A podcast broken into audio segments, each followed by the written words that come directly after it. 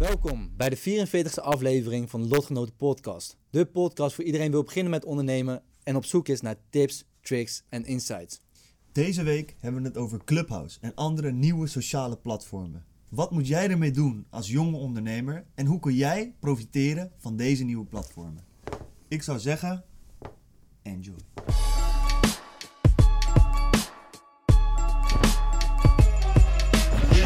Welkom terug iedereen. Marius, Dirk, ik zie dat jullie erbij zijn, gezellig. Ja, leuk. Er zullen vast nog wel wat mensen binnenstromen. We zijn eh, fashionably late, zoals altijd. Dus niks nieuws. Ik had even wat eh, chaos met mijn webshop.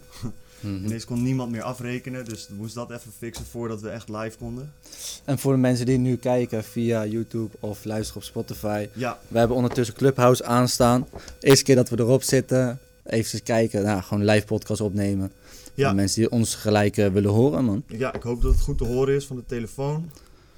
Ja, dus eh, let's do it man. Ehm, Koen, wil jij het onderwerp introduceren waar we het vandaag over willen hebben? Yes, precies. Nou, zoals jullie weten zijn de laatste tijd komen steeds meer sociale platformen naar boven. Zoals bijvoorbeeld TikTok, LinkedIn is een stuk bekender geworden. Maar nu hebben we ook Clubhouse. Yes. Precies. En vaak zie je dat mensen in het begin heel, eh, zeg maar, een beetje het tegen zijn. Niet eraan willen meedoen. Maar over tijd blijkt het toch wel zo te zijn dat het handig is. En dat, oké, dan doe je wel mee met de flow. En als er eenmaal tien mensen meegaan, nou, dan ben jij de elfde. En dan doe je toch wel mee. En uiteindelijk volgt een soort van massa-adoptie. Precies. Iedereen eh, die speelt. Dus eigenlijk kort samengevat waar we het over willen hebben zijn nieuwe sociale platformen die, eh, nou, het lijkt wel wekelijks eh, hun kop opsteken Ja. zo'n beetje. En de vraag wat jij als ondernemer, marketeer en gewoon ondernemer in het algemeen eh, daarmee kan doen. Ja.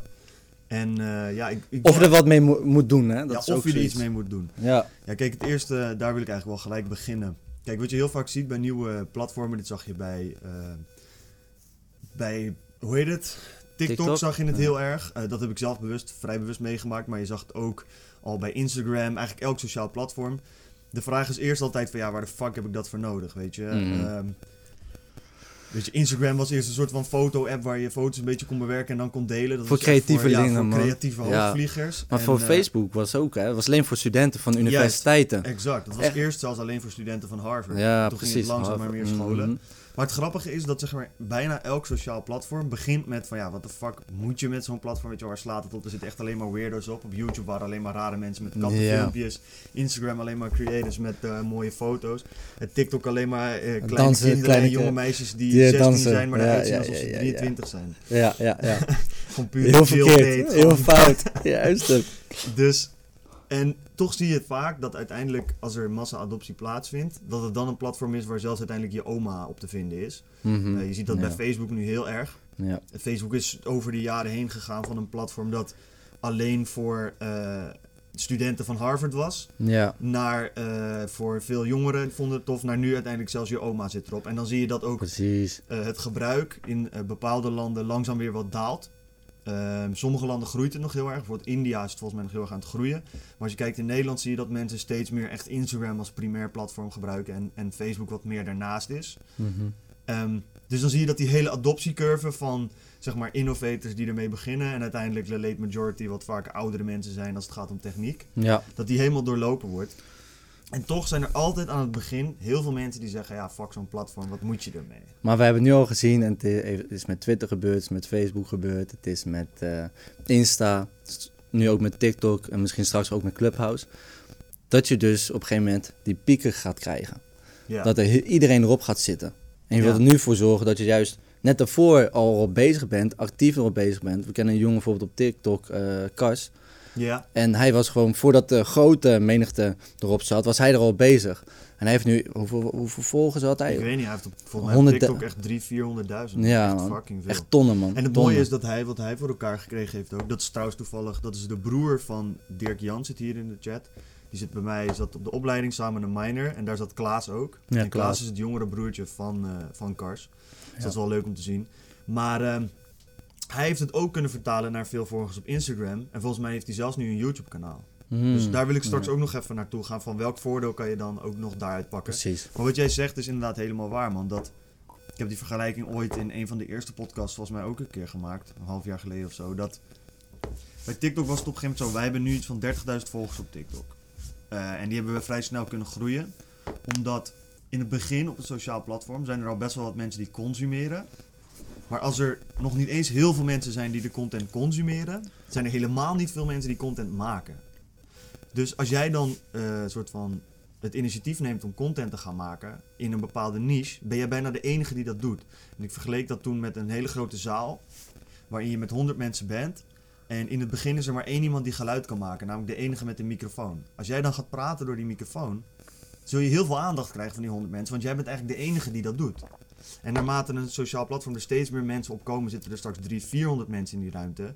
Maar er zijn er ook 30, 40 of 100 die een microfoon oppakken en iets gaan zeggen. En dan zie je dat er de aandacht die je per maker krijgt, wordt steeds kleiner. Ja, zeker weten. En daarom is het in het begin eenvoudiger om te kapitaliseren op de groei van een sociaal platform. Alleen dan is de vraag, want er zijn ook genoeg platformen waarvan je zegt van bijvoorbeeld, eh, ik weet niet of Reddit echt groot is geweest. Eh, ja, Reddit is heel groot, maar het is, Ja, is ook is anders. anders, man. Dat is weer, dat, want dat is- kiest op een gegeven moment heel erg een niche en die blijft daar heel erg op hangen. ja. maar je hebt bijvoorbeeld, bijvoorbeeld eh, Pinterest. Mhm. Dat zal niet een van de grootste platformen worden, maar het is wel een groot platform. Ja, best wel miljoenen gebruikers gewoon. Een paar Ja, miljoen volgens precies, mij maar-. Je kan daar niet zo'n grote following krijgen, ontwikkelen, zoals bijvoorbeeld op TikTok of Insta, Ehm, denk ik. Zoveel nee, ja, weet ik op. niet. Kijk, eh, TikTok, ja, TikTok is hun nu volgens mij ook wel voorbij. Maar wat je daar bijvoorbeeld wel ziet op eh, Pinterest volgens mij, is dat de doelgroep die daarop zit, eh, is best wel ehm, eh, gewillig om te kopen. Dus die geven, hebben over het algemeen een vrij hoog inkomen en kopen vrij veel via het platform. Dus je hebt dan misschien inderdaad als meubelbedrijf hele mooie shots en dan heb je Ja. misschien maar 50k volgers. Wat Mhm. nog steeds wel veel is.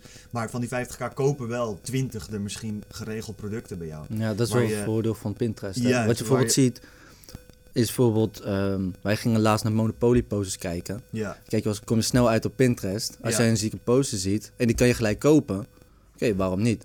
ja man, ja klopt. Snap je? Daar- het is heel visueel ingesteld. Precies, voor Nog inspiratie, visueel. Ja. Ja man, ik ben daar nu net mee begonnen met adverteren via Pinterest. En daar zie je ook, zeg maar, adverteren op Facebook heb ik nu best wel wat ervaring in. Weet je, daar heb ik... eh, eh, dat is altijd zo'n flex van marketeers. Maar ik denk dat ik daar 30.000 euro aan gespe- gespendeerd heb, zeg maar, aan advertentiebudget. Dus dan heb je best wel wat, een tijd lang ads gedraaid, zeg Op maar. Facebook. Ja, Mhm. Facebook en Instagram. Maar die ads die daar goed werken, is heel anders dan wat er werkt op Pinterest. Ben ik nu aan het ontdekken, zeg maar. Ja. Dus de hele, de, de formaten zijn anders, maar ook hoe je story telt. Je moet veel korter, veel visueler, je moet mensen inspireren. En je bent deze week begonnen met Pinterest advertenties, toch? Ja. En waarom kies jij dan nu voor Pinterest? Want dat is ook een sociale platform dat al eventjes bestaat. Oh, dat is een goed punt, man. Ja, Want je kan ook kiezen bijvoorbeeld, bijvoorbeeld voor TikTok. ja dat is iets wat, wat voor marketeers heel belangrijk is om over na te denken. Dat is ook bijvoorbeeld bij de keus, hey, ehm, stel je voor er komt een nieuw sociaal platform. Dan hoor je bij marketeers vrij snel de vraag van, ja, moeten wij daar als bedrijf of moet ik daar als marketeer ook wat mee? Eh, en het antwoord daarop is heel vaak te vinden in wie is jouw doelgroep. Ehm, ik bijvoorbeeld eh, verkoop producten, eh, een beetje huishoudachtige producten voor het maken van koffie. ehm, met een wat hogere prijs, waarvan ik gewoon weet dat de doelgroep gemiddeld minimaal boven de 20 is. En vaak zijn het vrouwen van tussen de 30 en 60 ongeveer. Nee, gaat goed. En als je kijkt naar bijvoorbeeld de demografie van TikTok, nu, die is wel steeds ouder aan het worden. Volgens mij is de grootste groep in Nederland nu tussen de 17 en de 25 of zo. Van TikTok? Maar dat, ja, man. Ja, dus maar dat gaat is dus nog boven de steeds een 21 nu, doelgroep die, eh, zeker de jongere doelgroep, drinkt vaak geen eens koffie. Niet pure espresso's.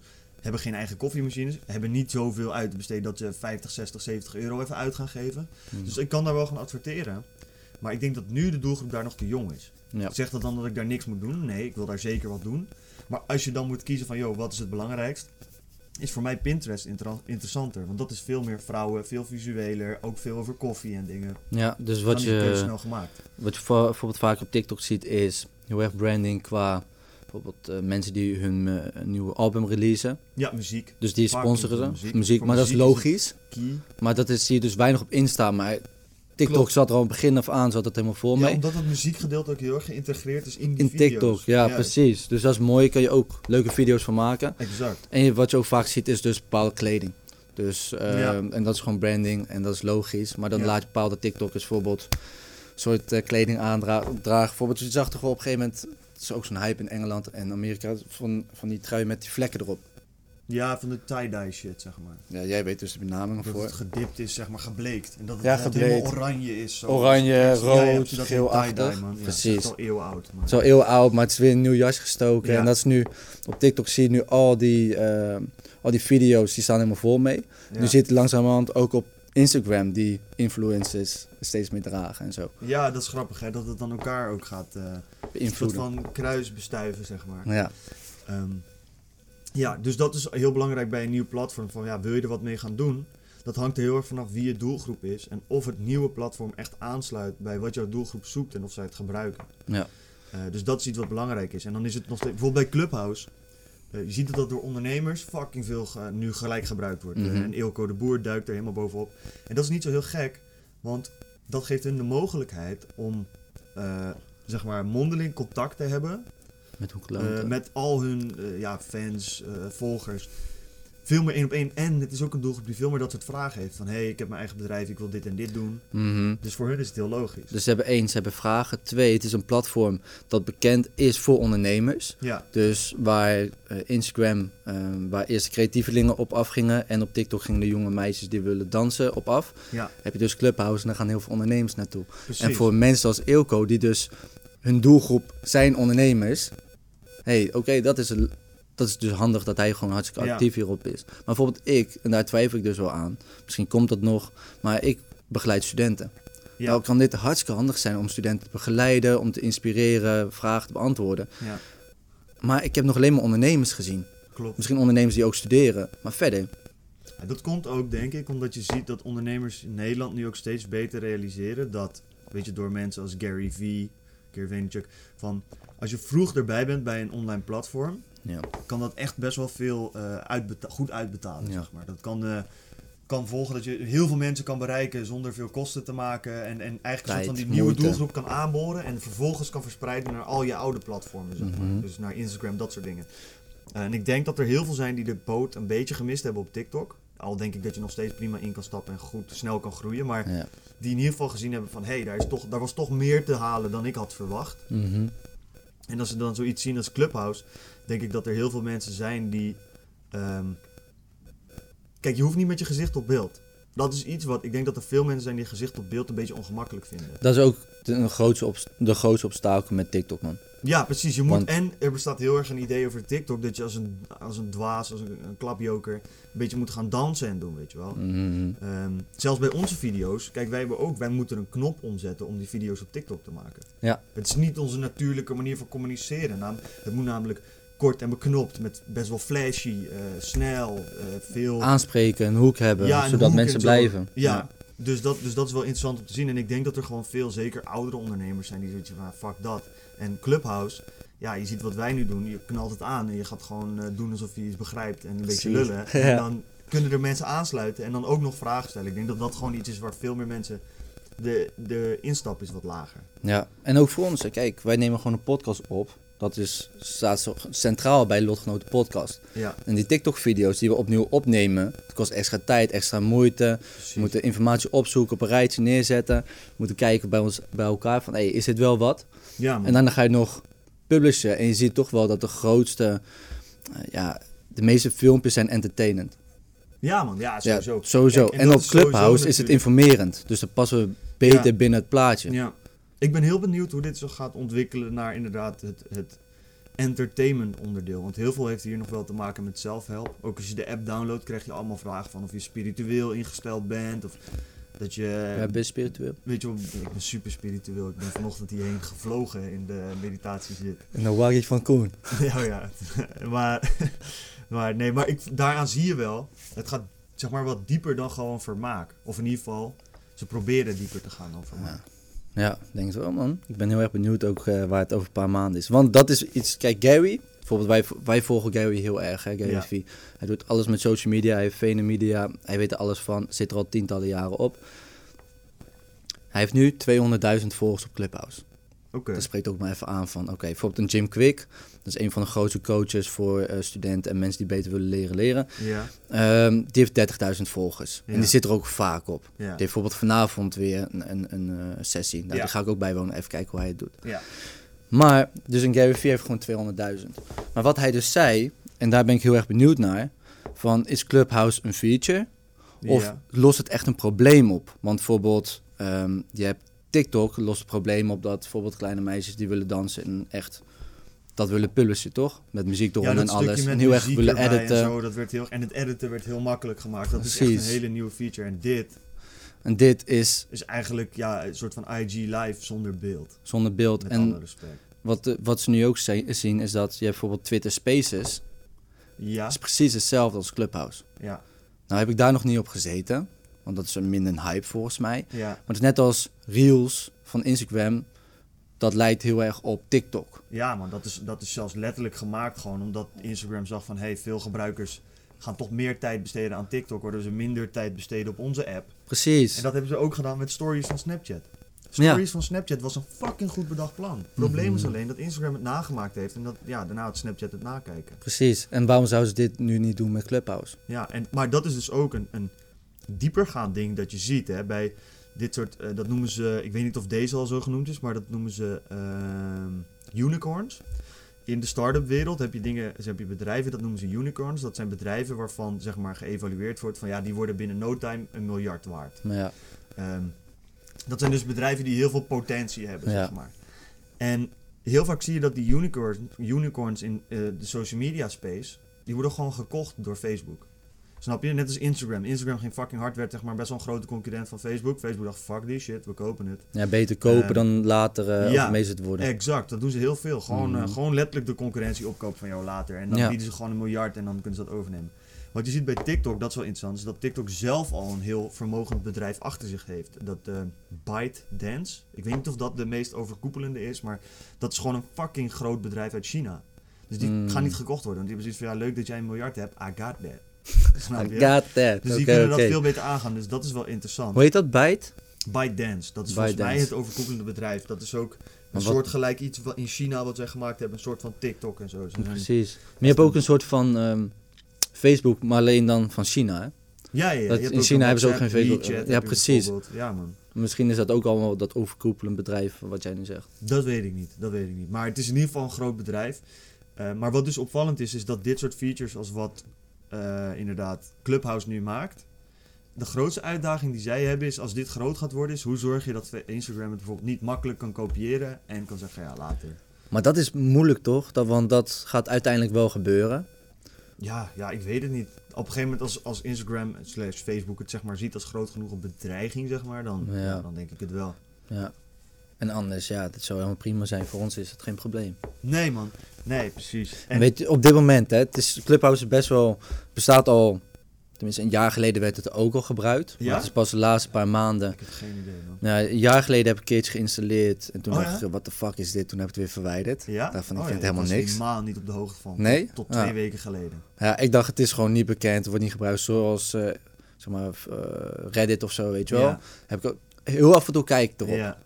Ja. Ja, maar dat, that's it. dat gebruik ik wel vaker. Dat is voor, even een kleine side note, voor marktonderzoek fucking handig. Ja, zeker. Dat je forums kan opzoeken over jouw product. Ja. En dan Ja, antwoorden kan kan je zien. letterlijk zien wat klanten, waar ze het Mhm. over hebben en zo. Dat is Ja. echt een goede tip voor mensen die ook, je gaat dropshippen of een eigen merk gaat bouwen. Ja. Dat is echt een fucking goede plek om marktresearch te doen. ja, en nog een kleine tip erbij is...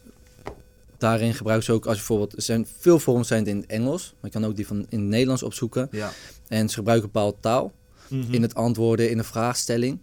En als je nou bijvoorbeeld zelf een oude iemand bent Ja. en je hebt best wel een jong doelgroep, dan kan je dus de soort, hè, hoe ze, eh, welke woorden ze gebruiken en zo kan je gewoon overnemen. Ja, klopt. moment. Ja, ook de tone of voice en zo die je kan gebruiken is ook fucking belangrijk. Dat Ja. is eh, ook een goeie. Het enige wat ik nog even wil doen is eh, nu, voordat ik... Want ik wil straks... Ik zie dat er nog eh, één iemand in de room aanwezig is. What up, Mhm. Mitchell? Shout-out Ja. naar jou. Ehm, is straks... Ik weet niet of hij misschien een vraag heeft. Je kan volgens mij je hand opsteken. Dus als je vragen hebt, laat het zo even weten. Dan kunnen we daar misschien nog wat eh, op doen. Zo niet, ook prima. Dan lullen wij wel verder. Ja. Gooi er een euro in en, eh en komt wat uit. Maar, ik wil toch even voor de mensen die dit eh, luisteren, gewoon op Spotify of kijken op YouTube, nog eventjes omschrijven wat Clubhouse eigenlijk is. Mhm. Want wij zijn nu heel lang aan het praten over Clubhouse, maar Ja, is best ik wel, sprak bijvoorbeeld huisgenoten die zeiden, wat de Clubhouse? What the fuck is Clubhouse? Ik heb Ja, er nog is- nooit van gehoord. Het is best wel simpel eigenlijk. Hè? Bijvoorbeeld, ehm, moet je je voorstellen, we zitten hier in een gebouw. We hebben hier onze podcast, hè? Ja. En nodigen mensen uit. Dat doen we wel eens, ja. Ja. En dan eh lopen ze het gebouw binnen en zien ze een grote rode deur. Ja. En er staat op eh, live sessie van de podcast eh, met onderwerp Clubhouse. Ja. En de deur kunnen ze zelf openen. Kunnen ze gewoon naar binnen lopen. En zien een paar jongens daar praten over een onderwerp. Jaro en Koen. En dan kunnen ze gaan zitten en gewoon gaan luisteren. Maar ze Ja. kunnen ook hun hand opsteken. En dan krijgen ze zelf ook een mic. Mogen ze aan de tafel aanschuiven. Als ze weg willen, kunnen ze weer weggaan. En dan kunnen ze een andere kamer opzoeken. Ja. En dat is eigenlijk alleen dat, alleen dan online. Precies. En dat is best wel ziek. Ja, het zijn gewoon inderdaad groepsgesprekken in ja, rooms. Waar je gewoon bij kan digitaal. En dan kan je gewoon eh, luisteren naar wat er besproken wordt. En je kan je hand opsteken, kan je dingen vragen. Dus je hebt gewoon een gesprek, maar dan met mensen van all over the world. eh, Random mensen, man. En het mooie is dus, bijvoorbeeld deze week, of vorige week. Deze week, het maakt- niet uit. Vorige week, volgens mij in het weekend, had de Clubhouse aangemaakt. Ja, En ehm, wat ik dus als eerste zag, was dat Elon Musk ook was geweest. Maar de dag voordat ik hem had eh, geïnstalleerd, toch? Dus eh Elon Musk was ook gewoon op Clubhouse. Ze hebben het over Bitcoin gehad, over allemaal andere onderwerpen. klopt. Ja. Maar het is fucking vet dat zulke mensen dus ook gewoon erop kunnen. Ja. En dan zit je bijvoorbeeld met 100 mensen in zo'n kamer. En dan kan jij je handje opsteken. En dan kan je gewoon zelf een vraag stellen aan Elon Musk. Ja. Terwijl als je dat in het echt wil doen, je kan bellen, gaat hij niet reageren. Je kan naar Nee, dat Amerika, maar dan gaat hij niet Dat reageren. is mooi, hè? Ja, dat je dus... En dat is wel een voordeel wat ik zie bij Clubhouse. En ik kan, weet nog niet precies hoe ze daarop kunnen kapitaliseren. Maar ik denk dat dat hun heel erg een voordeel kan geven. En dat heeft ook te maken met het feit dat ze nu nog niet zo groot zijn. Is het feit dat je soort van de kans maakt om in audio dingen te kunnen vragen aan Elon Musk. Of aan wie dan ook, zeg maar. Dus misschien heb je nu bijvoorbeeld, ik volg Meek Mill, een bekende rapper. Je voor, hij doet een room. Stel je voor dat ik de kans krijg om mijn handje op te steken en echt één op één aan hem iets kan vragen. Alsof ik hem eventjes gebeld heb, zeg. Ja, Ik denk dat dat heel veel mensen aantrekt. ja. Dat mensen daardoor ook denken van, ah Lau, weet je, laat het me checken. Je weet maar nooit of ik Mhm. die. En dat trekt heel veel mensen aan, denk ik. Het ding is, hoe zorg je dat die aantrekkingskracht na één keer ook nog leuk blijft, weet je wel? En hoe zorg je dat als het groter wordt, want als je straks drie ton mensen ja, in één room hebt, weet je wel, omdat ze allemaal graag Elon Musk een keer iets willen vragen, Ja. Dan gaat dat speciale er weer vanaf. Want dan is het weer net alsof je een lot van de loterij hebt gewonnen. Ja, volgens mij heb je wel een grens erop zitten. Oké. En dan kan je dus niet meer in een kamer. Ja, dan krijg je dat. Dan kan je de kamer niet joinen, waardoor, Ja. snap je? Dus dan blijft dat, dat, die barrière weer hoog. Dus dan heb je zeg maar hetzelfde met als Apple een nieuwe iPhone eh, eh, uitbrengt. En dat mensen al twee dagen van tevoren met hun tentje voor de winkel eh, staan te wachten. zo- zo- zodat jij gewoon ja.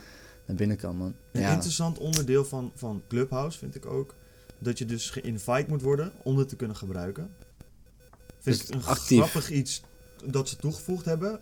Ik kon het bijvoorbeeld eerst niet gebruiken. Ik dacht, ik download de shit, ik ga het doen. dacht ik, wat is dit nou weer? Je moet een soort van invite krijgen. Ik dacht, nou ja, fuck it, laat maar. En toen kwam ik erachter via jou inderdaad dat ik gewoon geïnvite moest worden. En jij had volgens mij... Nee, Ik heb geen- had nog een invite. Ja, ik heb geen invites, man. Ja, ik wel man, twee. Nee, ik helemaal niks. Dus die geef ik gratis weg voor 10 euro.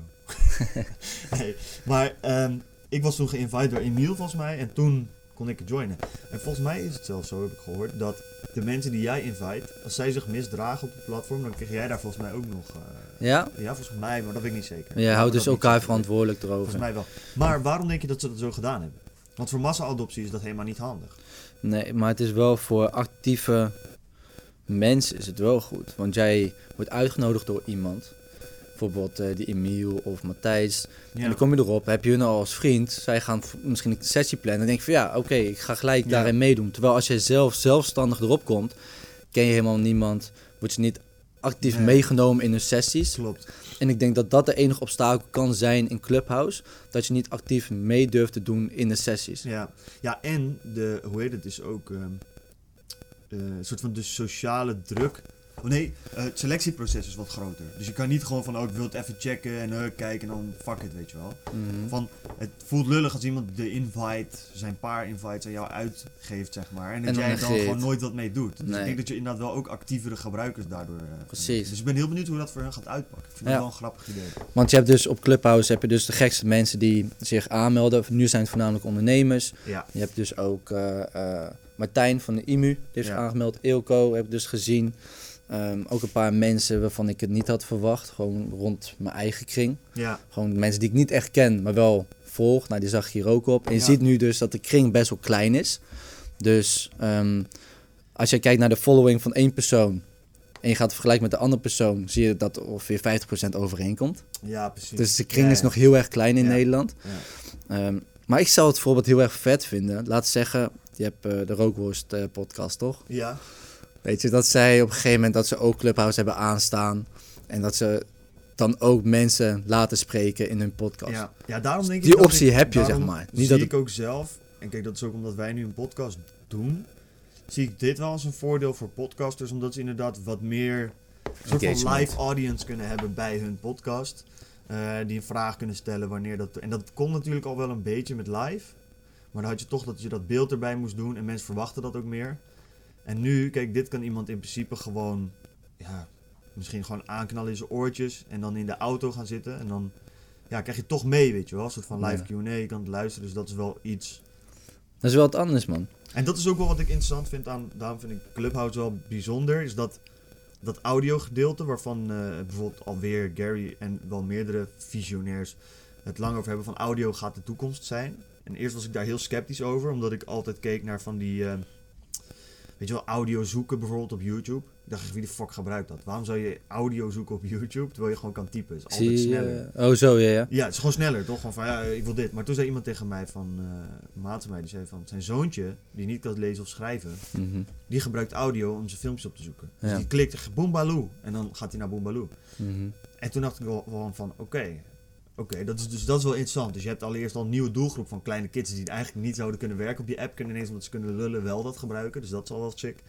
Maar En kan... ze worden opgevoed Ja, daarin het gebruik van tuurlijk. audio. En daarom zal het in de toekomst een veel groter deel worden. Omdat als jij altijd gewend bent om gewoon te lullen tegen je apparaat van, yo, zoek dit en dit. En hij doet dat, Mhm. gaat dat gewoon, ga je dat meer blijven doen. Maar ik, ja, ik had afgelopen zondag was ik ook met een chick en we waren gewoon buiten een rondje aan het lopen. Maar wel een half uurtje, na, na 20 minuten of zo, is het gewoon fucking koud daar. Hè?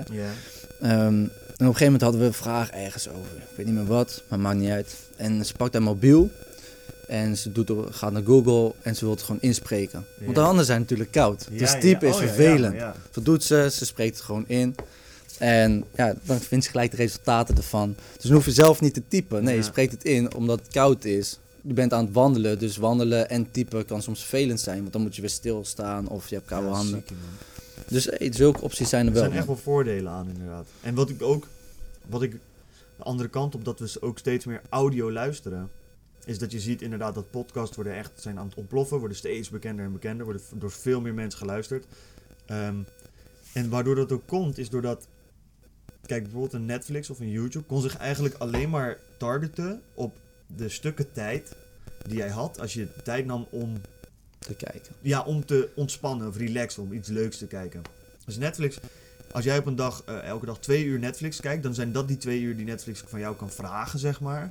Voor de rest zullen zij heel hard hun best doen, moeten doen om jou te overtuigen om nog meer serie te kijken, omdat je dan Ja, andere nog meer dingen tijd die je gepland opofferen. had gaat. Omdat, ja. Juist, waar audio, zeg maar, dat is, kan je alsnog een serie luisteren als het ware. Maar dan kan je dat gewoon doen tijdens het afwassen, tijdens het fietsen, autorijden. Dus dan heb je Mhm. ineens misschien twee, drie, voor sommige mensen vier, vijf uur extra op een dag. Ja. Waar je mensen content kan bieden. Ja, en daarom is het ook zo vet dat je dus... Je hebt nu Clubhouse. Eh, ik gebruik dus Clubhouse om dus af en toe te luisteren. Vind ik gewoon chill, voor tijdens het eten of zo. Ja. Zou ik ook nog iets kunnen kijken, maar... Verder, ik gebruik ook Storytel, dus ik luister boeken. Ja. Nou, als die boeken niet te zwaar zijn, is het gewoon lekker om te luisteren. En als je dan echt iets leuks hoort, oké, pak mijn notities bij, schrijf het op. Of op mijn telefoon in notities schrijf ik het op. Maar je hebt natuurlijk ook gewoon de podcast via Spotify of via Ja. Apple Podcast. Dus je krijgt nu verschillende platformen inderdaad waar je alleen maar audio op hebt. Ja, man. Maar het is wel een stuk chiller. Ik vind wel, soms wil ik echt iets met beeld kijken. Tuurlijk. Tuurlijk. Ik, ik zeg ook niet dat het het helemaal over gaat nemen. Dat is een beetje hetzelfde als mensen die zeiden van ja, internet gaat tv doodmaken. Nee, maar ik denk wel dat het een combinatie zou worden dat het gaan fuseren. Ja, ja, ja, tuurlijk. Op YouTube kan je heel veel filmpjes kijken. Maar het zou chill zijn als je het gewoon kan luisteren. Terwijl je gewoon iets anders, bijvoorbeeld Ja, terwijl je op social media zit. daar moet je abonnement voor nemen. Ja, precies, maar dat doet niemand. Nee. Hoeveel mensen hebben een YouTube-abonnement? mensen dat doen. Nee, ik, ik ken ze niet. Nee, hè? Nee. Maar of wat we vorige keer zeiden, Spotify, alleen dan met beeld. Spotify heeft beeld. Ja, Ja, man. maar als we, kunnen wij nu ook beeld erop zetten? Onze hele opname. Nee, wij niet. Maar Joe Rogan bijvoorbeeld. Ja, Joe Rogan wel. beeld. Maar dat is wel, kijk, dat laat wel zien dat het iets is. Dat zijn ze nu aan het testen met grote creators. Kijken ze op wat de reactie is. Mhm. Als dat goed is, zullen ze dat steeds kleinere creators gaan voorleggen. Dat is ook, volgens mij is het doel van Spotify ook, om... Zeg maar, nu zijn ze heel erg op audio, maar ze willen zeg maar het volledige vermaak voor een mens, willen ze zeg maar bieden. Dus daar wordt ook steeds meer beeld. En daarom eh, zal misschien bijvoorbeeld in YouTube of zo ook wat meer zweet krijgen. Dat je dan ziet dat ook veel meer steeds eh, muziekvideo's, maar ook podcasts met beeld. En misschien ook nog wel hele andere dingen, snap je? Series Mhm. of dat soort dingen. Het zijn kleine dingen overnemen. Bijvoorbeeld Ja, wat je zegt, muziek met, met beeld. Nou, dat gaan mensen dus niet meer op YouTube opzoeken, maar dan gaan ze gewoon naar Spotify. Want ze Ja, kunnen man. het online en offline gewoon Precies. luisteren. Oké, netjes. Hoe hard zou het zijn als je een serie had die je, zeg maar, die visueel is, die je kan kijken. Maar als jij bijvoorbeeld, eh, je bent thuis aan het kijken en eh, je zit helemaal in je aflevering, maar je moet zo weg, want je hebt een afspraak. Dus je, oh, je moet fietsen nog 20 minuten. Ja. En je denkt, ja, ik wil eigenlijk verder kijken. Hoe hard zou het zijn als je kon klikken audio weergave? En dat dan de audio, zeg maar, dus het wordt wat meer omschrijvend, zodat je het als je het hoort gewoon nog kan begrijpen. Als je dat kan klikken en dat je gewoon kan gaan fietsen en de aflevering nog steeds door kan checken, omdat je het nog kan volgen. Dus dan maak je eigenlijk een audioversie en een Dat zou video. fucking sick zijn. Ja, maar dus dat dan is... kan je, eh, waar je normaal zou stoppen, kan je nog 20, 30 minuten langer luisteren, omdat je op de fiets door kan luisteren. Precies, maar dat is dus Joe Rogan op dit moment. Wat je zegt en met dat, maar beeld. dat kon altijd al alleen als audio, maar wat ik me nu net bedenk, stel je voor dat je series hebt die gewoon dat mogelijk maken.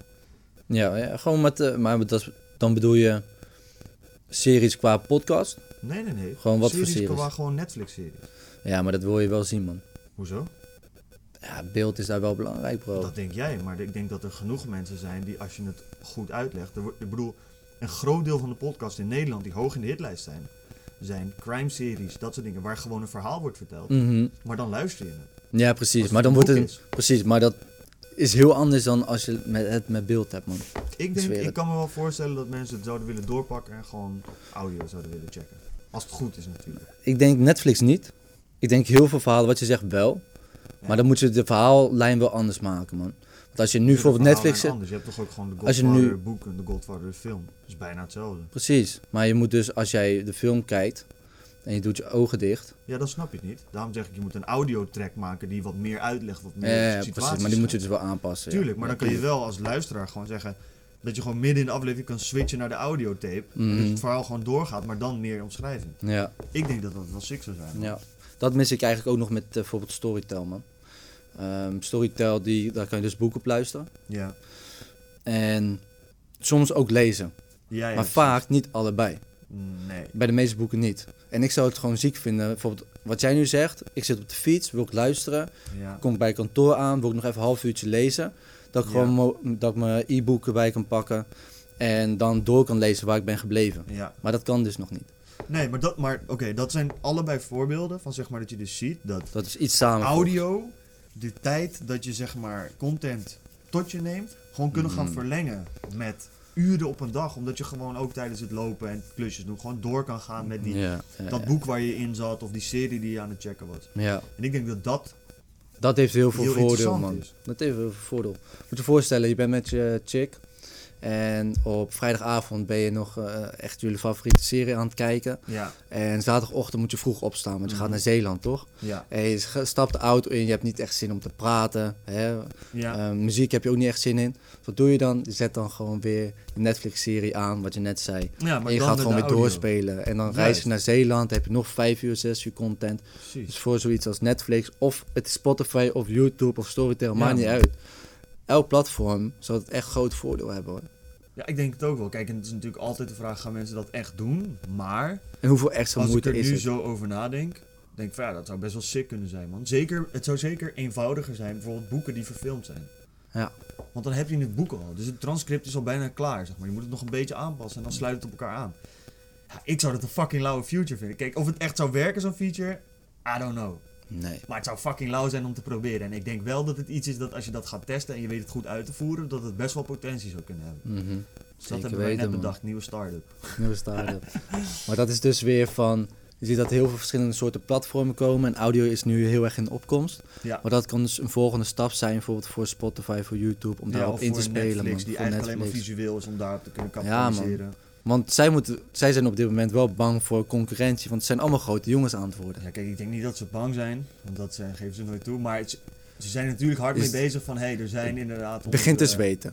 Ja, Het ja. begint te zweten. Kijk, ik denk wel dat Netflix niet heel erg zweet, want Netflix is gewoon echt biggie dog.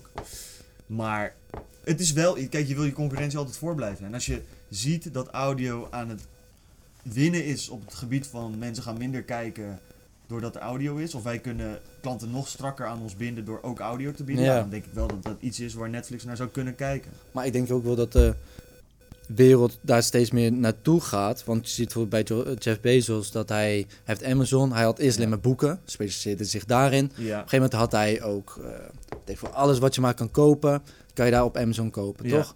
Nou, nu kan je dus ook films en series kijken. Jop. Nu kwamen ze, eh, gingen ze een aankondiging doen dat ze zelfs bioscopen willen opkopen, zodat ze zelf kunnen beslissen wat er in een bioscoop wordt gedraaid, zodat ze hun eigen films Ja, en eigen series kunnen draaien. die ze maken, Precies. Eigen series, ja man. En dat is dus het vette, maar dat zie je dus. Het gaat ook gebeuren dus op andere platformen met andere bedrijven. Moet wel. Ja, dat, dat is ook heel erg die content first strategie die je steeds meer hoort. Ja. Van, het gaat er uiteindelijk om van hoeveel content kan jij mensen geven semi-gratis of weet je wel, met een laag instap. Ja. Waardoor je ze zo goed aan, aan je kan binden dat je daarna de dingen die je verkoopt weer beter kan verkopen. Dus hoe vertaal je dat naar eh, Amazon? Ik ken best wel wat mensen die bijvoorbeeld Amazon Prime hebben, omdat het maar 3 euro per maand kost, maar nog nooit iets gekocht hebben op Amazon. Nee. Maar het zou zomaar kunnen dat ze de volgende keer een boek zoeken op bol.com en het is er niet. Dan denken ze, Amazon, oh ja, ik heb ook die gratis verzending volgens mij, man. Ja, Gaan ze naar Amazon zoeken, bam, betalende klant. Die producten erbij aan het kopen precies. En dan moet Amazon goed leveren, snel leveren. En dan denk je, ja, eigenlijk was het wel relaxed. En maar daar is op keer Amazon ook op Amazon. gebouwd. En zo Ja, trekken ze je meer binnen. En wat bij Amazon fucking ziek is, waar zij mee bezig zijn nu, is als jij op pauze drukt op Amazon Prime, krijg je zeg maar een soort van overlay van een scherm. Eh, en dan zie je wie er bijvoorbeeld in die scène speelt. Dus welke acteur Oh, in, in ja, oké, in, Amazon kijken. Prime, Ja, als ja, je ja. een serie of een film kijkt en je drukt op pauze, zie je in, in die scène, wie je daar ziet, zie je van oké, dit is acteur die en die, dit is de echte naam, hier en hier komen ze vandaan met een beetje achtergrond. Oh, ziek. dus dat is fucking sick. Ja. Dus je hoeft alleen maar pauze te drukken, bam, extra informatie. Oh, ja, Wat ja, iemand zei tegen mij, en dat is het moment dat Amazon echt kan kapitaliseren. Amazon kan straks series maken. En bijvoorbeeld series met mensen die eh, goed gekleed zijn. Ja, Druk jij op ja. pauze, Ja. kun je letterlijk zien, yo, dat horloge is dit horloge. Wil je het kopen? Ja, hebben we op Amazon, man. Ja, dit t-shirt, wil je dat t-shirt? Nou ja, bam, hebben we op Amazon, man. Ja, Dus dan kan je zeg maar gaan kopen vanuit de films die je ziet. Dus het inspireert jou, je drukt op pauze, je kan het gelijk kopen. Je hoeft niet eens meer, man. je weet toch, je hoeft alleen maar op Apple Pay, bam, klik, dubbelklik, bam, en dan kan je weer verder kijken. Dus branding, dat is next level, man. Ja, dat, dat is, is, dat eh, zijn nieuwe verkoopkanalen die gewoon lijp gaan worden, man. Ja, dat, kijk, je zegt het nu, moet wel gaan gebeuren. Want als Ja, dus toch? die achtergrondinformatie goed gaat werken, wat ze dus zien op Prime, dan is dit de volgende stap. Want het is ook weer Ja, samenvoeging van winkel en, bier, of winkel en film. Experience is het heel erg, man. Het is Ja. echt experience, weet je. Dat je er middenin zit. Weet je, hoe vaak heb je niet gehad, ehm, ook fucking random, maar dat je bijvoorbeeld een film aan het kijken bent, hè. En eh, misschien heb je een jointje gerookt, of je hebt gewoon honger, of allebei. en eh, je zit te kijken en zie je een scène dat ze gekke hamburger aan het chappen zijn. Dan denk je, ja, nog een goede film, maar ik heb echt wel honger. Als je kan klikken, doet pauze en je ziet die hamburger, je weet toch of iets wat heel erg blijkt van ja, wil je het bestellen via Uber in jouw omgeving? Ja, toch, doe ja, maar. precies. Bam. Gewoon hamburgers binnen een Je toch? straal van 10 kilometer. Precies. Top. Want je hebt best vaak dat je een lekker eten ziet in een film of zo en dat je daardoor honger krijgt. krijg een beetje zo. oh. Juist, en da- dat is een moment waar je heel erg als bedrijf op zou kunnen kapitaliseren. Ja. En dan kan je gaan adverteren in films. Maar het belangrijke hieraan is, is dat niet ieder bedrijf dit zomaar kan doen. Dit kan je alleen doen als jij dominant bent op meerdere, meerdere, eh, kijk, ze, Ja, je zijn, moet heel veel. Je moet, Ze moeten- ze zijn- als je meer verkoopt. ze hebben Prime en winkel. Juist, Amazon heeft een heel groot e-commerce eh, eh, onderdeel waar je echt producten kunt kopen. Ja. Maar ze hebben ook een filmonderdeel, waardoor het Mhm. voor hen super makkelijk is om te zeggen: hey, vind je die mok die je in de film ziet tof? Druk op pauze, ga naar onze Amazon link en bestel hem gelijk. En dat is voor hun heel makkelijk omdat ze het allebei bezitten. Kijk, voor Netflix zal dit een stap verder zijn, want zij hebben dus geen winkel erachter zitten. Nee. Maar zij kunnen dus bijvoorbeeld op commissiebasis dingen verkopen. Juist, partnerships aangaan. Partnerships aangaan. Er zou zelfs een advertentiemodel kunnen komen voor Netflix. Ja. Waarbij de klant, zeg maar de kijker, heel veel geholpen wordt. Omdat hij Mhm. misschien een t-shirt ziet in Stranger Things dat hij tof vindt dat hij wil kopen. En als hij op pauze ziet, krijgt hij dat t-shirt te zien. Ja. Van, er zijn vijf verkopers die het verkopen. Die kunnen gewoon bieden om die plek. ja. En op basis van jouw kijkgedrag. Zodat ze ook weten, hé, hey, deze persoon... Dus dan zou Netflix kunnen gaan adverteren. Waardoor ze weer een nieuwe inkomstenbron hebben. En misschien nog een stap verder is, als, het, als dat een nieuwe inkomstenbron is en een bron is best wel groot, Ja. Het voordeel eraan is dan dat zij eh, bijvoorbeeld hun prijs, wat ze vragen qua abonnement aan een, aan een persoon, kunnen ze lager zetten. Ja. ja dus dus in plaats van mensen 10 euro kunnen ze naar gaan gebruiken. 5 of naar 4. Exact. Hey, oké. Ja, man. Dus dat is fucking interessant. Ja, ik wil hem eigenlijk nu gewoon nog even terugpakken naar... ehm, Het naar gebruik van nieuwe sociale sociale platformen. platformen. Ja. Wat moet je er als ondernemer mee doen? Eh, moet je er überhaupt iets mee doen? En ehm, ja, gewoon dan misschien afsluiten, man. Nog even kijken of er nog vragen zijn. ja, want we willen natuurlijk wel dat. Mitchell zijn- al zijn vragen zijn beantwoord Ja, straks. hij heeft zijn hand nog niet opgestoken. Nee, dus dat nee. hij gewoon rustig aan het luisteren is. Of hij is gewoon zijn Hij is aan het werk. Hij zit gewoon te poepen. Kan allemaal, man. Oh, Daarom. kijk, hey, hij heeft een vraag. Zullen we hem even... eh, de ja, ja, doe ja, ja, ja. Ehm. Gewoon op een toch? Ja, Ja. precies. Hey Mitchell, als het goed is kun je nu eh, praten, man. Hoor je mij? Jazeker. Ja, Mooi, mooi, mooi. hoi. Ja, ik heb wel, ik heb wel een vraag. Oké, ja? let's go. Top, man. Ehm, ja, ik hoorde net ook natuurlijk dat, je- dat inderdaad dan eh, misschien grote eh, streamingdiensten ehm, ja, veel eh, eigen content gaan maken. Ook uh, zeg over film, dat je gelijk kan klikken en zo. Ja, Waar ik, ook een beetje bang voor ben dat dat soort bedrijven heel, ja, die weten natuurlijk al heel veel. En eh, ik heb een beetje het gevoel van, ja, ik ben heel erg bang dat, dat, dat sommige bedrijven te groot gaan worden qua data. En net zoals je zegt, net zoals een hamburger. eh, ik heb het gevoel dat bijvoorbeeld bij een, eh, dat ze dan zoveel weten over een persoon dat dat dan geen hamburger is, maar bij iemand anders die bijvoorbeeld vegan is, dat het een weet ik veel, iets, iets vegan is, Ja. gaat worden of zo, weet je wel? Dat, Ja. dat, dat het zo sick gaat worden. Ik Ja, man. meer van dat soort bedrijven die, eh, ja, dat soort films worden dan ook te commercieel uiteindelijk natuurlijk gemaakt, want ja, geld maken is denk ik het belangrijkste. En eh, hoe, eh, ja, hoe, hoe persoonlijker jij het kan maken, ehm, ja, des te meer geld je kan verdienen, zeg maar. Dus zijn Mhm. niet Ja. bang dat, dat, dat die films te Commercieel worden, ja. ja, ja een soort van... eh, eigenlijk is- het dan bijna alsof je een advertentie zit te kijken van 2,5 Ja. uur in de film, Ja, vorm van een film. Ja, Ja, dat zou best wel kunnen gebeuren, man. ja, dat zou, zou kunnen gebeuren inderdaad. En dat zijn inderdaad dingen die je ziet als je het hebt over nieuwe sociale platformen en alle data die erbij komt kijken. Eh, dat zie je nu ook met de nieuwe update van Apple. Die hebben een update gedaan waardoor bijvoorbeeld het trekken van cookies op een iPhone ehm, Ja. veel lastiger wordt. Waardoor bijvoorbeeld Facebook-advertenties gewoon een stuk minder Ja. efficiënt worden. Ja. Dus je ziet dat daar een soort van tweezijdige strijd is. Aan de ene kant zie je dat dataverzameling heel belangrijk is voor die sociale platformen. ja. En aan de andere kant zie je een tegenbeweging van mensen die zeggen van ja, ik wil niet dat al die data bekend is en dat ik daardoor getarget word. ja. Het blijft nog steeds in de wereld zitten, hè. Dus ik heb inderdaad het gevoel van, oké, kijk, data en de mens, of in ieder geval een soort van eh, AI en de mens wordt steeds meer één. En dat is natuurlijk ook ja, ten gunste van ons gemak. Maar ja, in hoeverre is dat, eh, is dat goed, zeg maar? Ik weet niet of jullie de serie Black Mirror hebben gekeken. Eh, ja man, ja zeker. Black Mirror heb ik gecheckt, ja. ja, Mm, ja. Nee, man. Jij niet? Nee.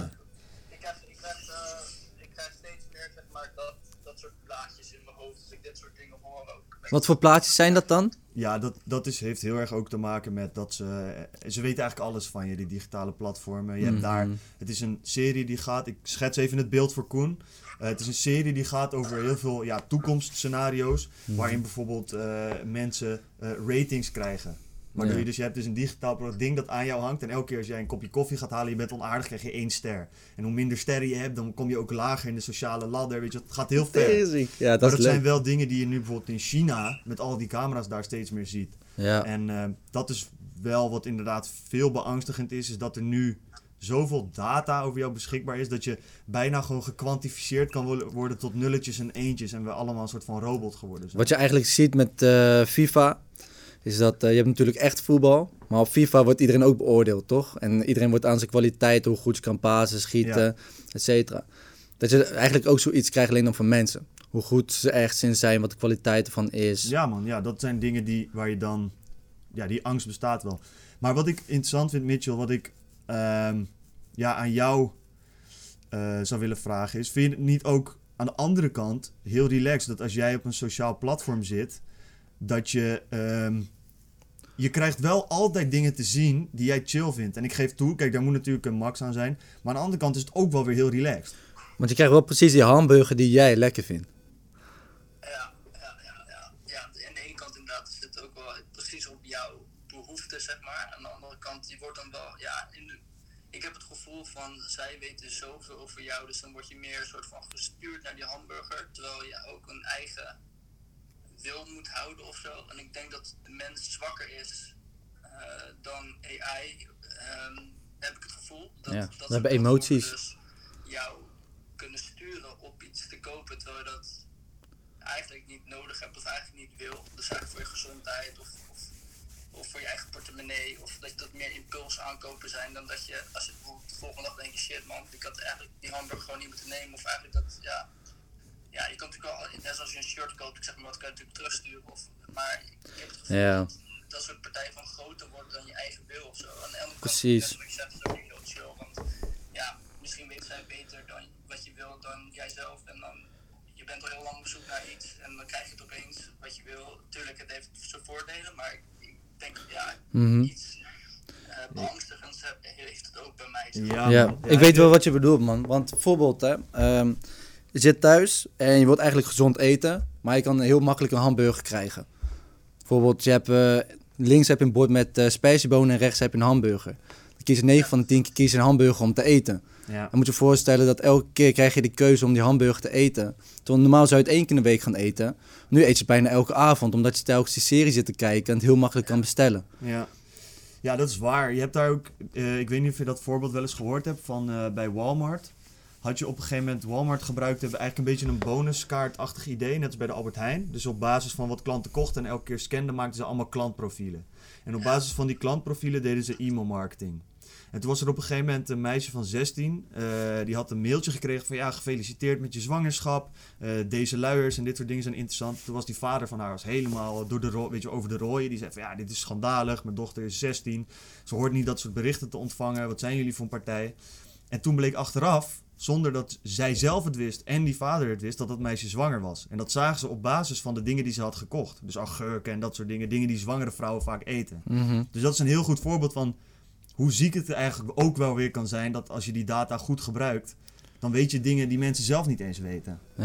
Ja, en, en ik ben wel bang dat, wat gaan ze dan... Kijk, nu is het nog een beetje, ja, tussen aanhalingstekens in de kinderschoenen. Dus ze hebben nog niet genoeg data. Maar ja, wat jullie ook zeiden, bepaalde devices worden steeds meer eh, Mhm. aanspreekbaar. Dus op een gegeven moment krijg je een slimme koelkast. eh, je huis wordt alles... eh, dus alles wordt natuurlijk opgeslagen. Ja. Ehm, dat soort platformen worden steeds slimmer. Dus je, je hebt steeds meer data van één persoon, zeg maar. Natuurlijk is het niet zo in Europa waarschijnlijk dat één partij ja, Dominant alles is. weet van je. Mhm. Maar goed, dat, daar begint het wel een beetje naartoe te gaan natuurlijk. Dat er gewoon Ja. steeds grotere bedrijven steeds meer data van je hebben. En, en Ja. eh, volgens mij in China dat helemaal zo.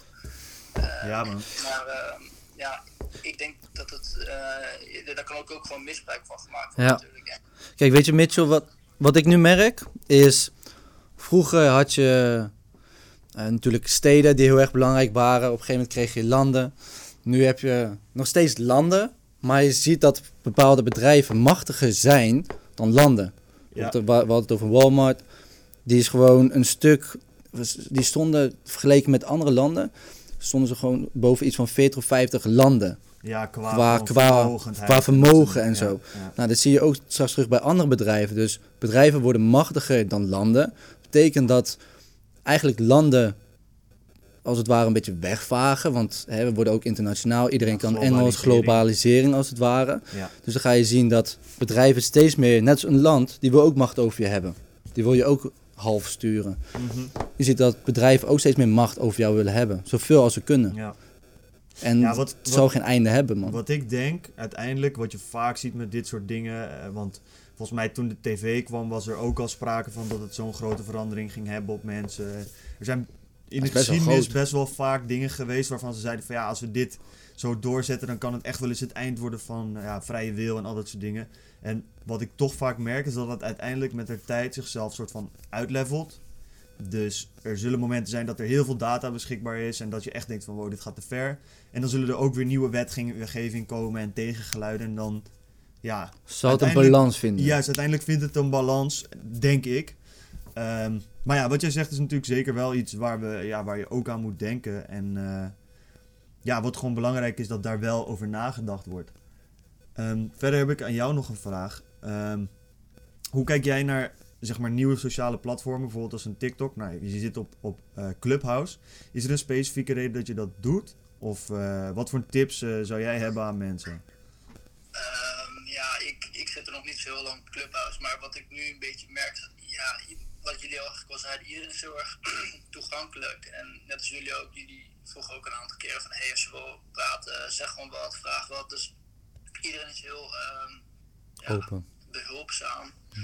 Ehm, ik denk, eh, nou, net zoals wat je zei, ook bijvoorbeeld Ilko de Boer, en Martijn of zo, als je, die, als je, dat, als je dat soort gasten eh, al een tijdje volgt op YouTube of Instagram of zo, dat is best wel ja, een grote stap om die gasten ja, daaruit te benaderen. Of je kan ze wel DM'en of, of weet ik veel wat, maar ja, het is best wel een grote stap om. eh, maar hier is het veel dichterbij of zo. Je kan inderdaad gewoon je handje opsteken en ja, het wordt juist ehm, gezegd van ja, doe dat gewoon. Mhm. Dus die stap is gewoon dichterbij. En het is nu nog in de kinderschoenen. Dus je kan, ja, je kan heel snel contact maken met iemand waar je ja, fan van bent. Of die je volgt. Of, of, of die, ja, die populair is op, op andere platforms. Dat het nu gewoon veel dichterbij is. Ik zag gisteren bijvoorbeeld ook Mark Rutte opeens in een broek. Ja, ik heb Mark Rutte ook gezien. Zag ook bij Ilko, maar ik wist dus niet, is dit de echte Mark Rutte? Dat weet ik ook niet. Maar ik,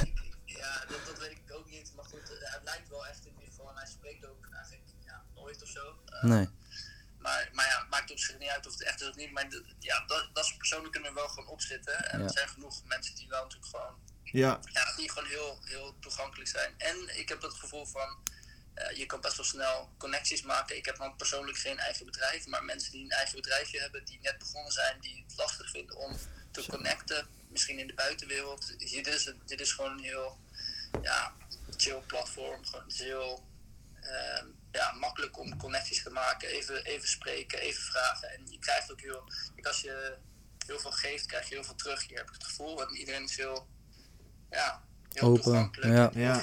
zeg maar. Dat vind ik wel chill van dit platform. Op TikTok zit ik persoonlijk niet. Eh, nee.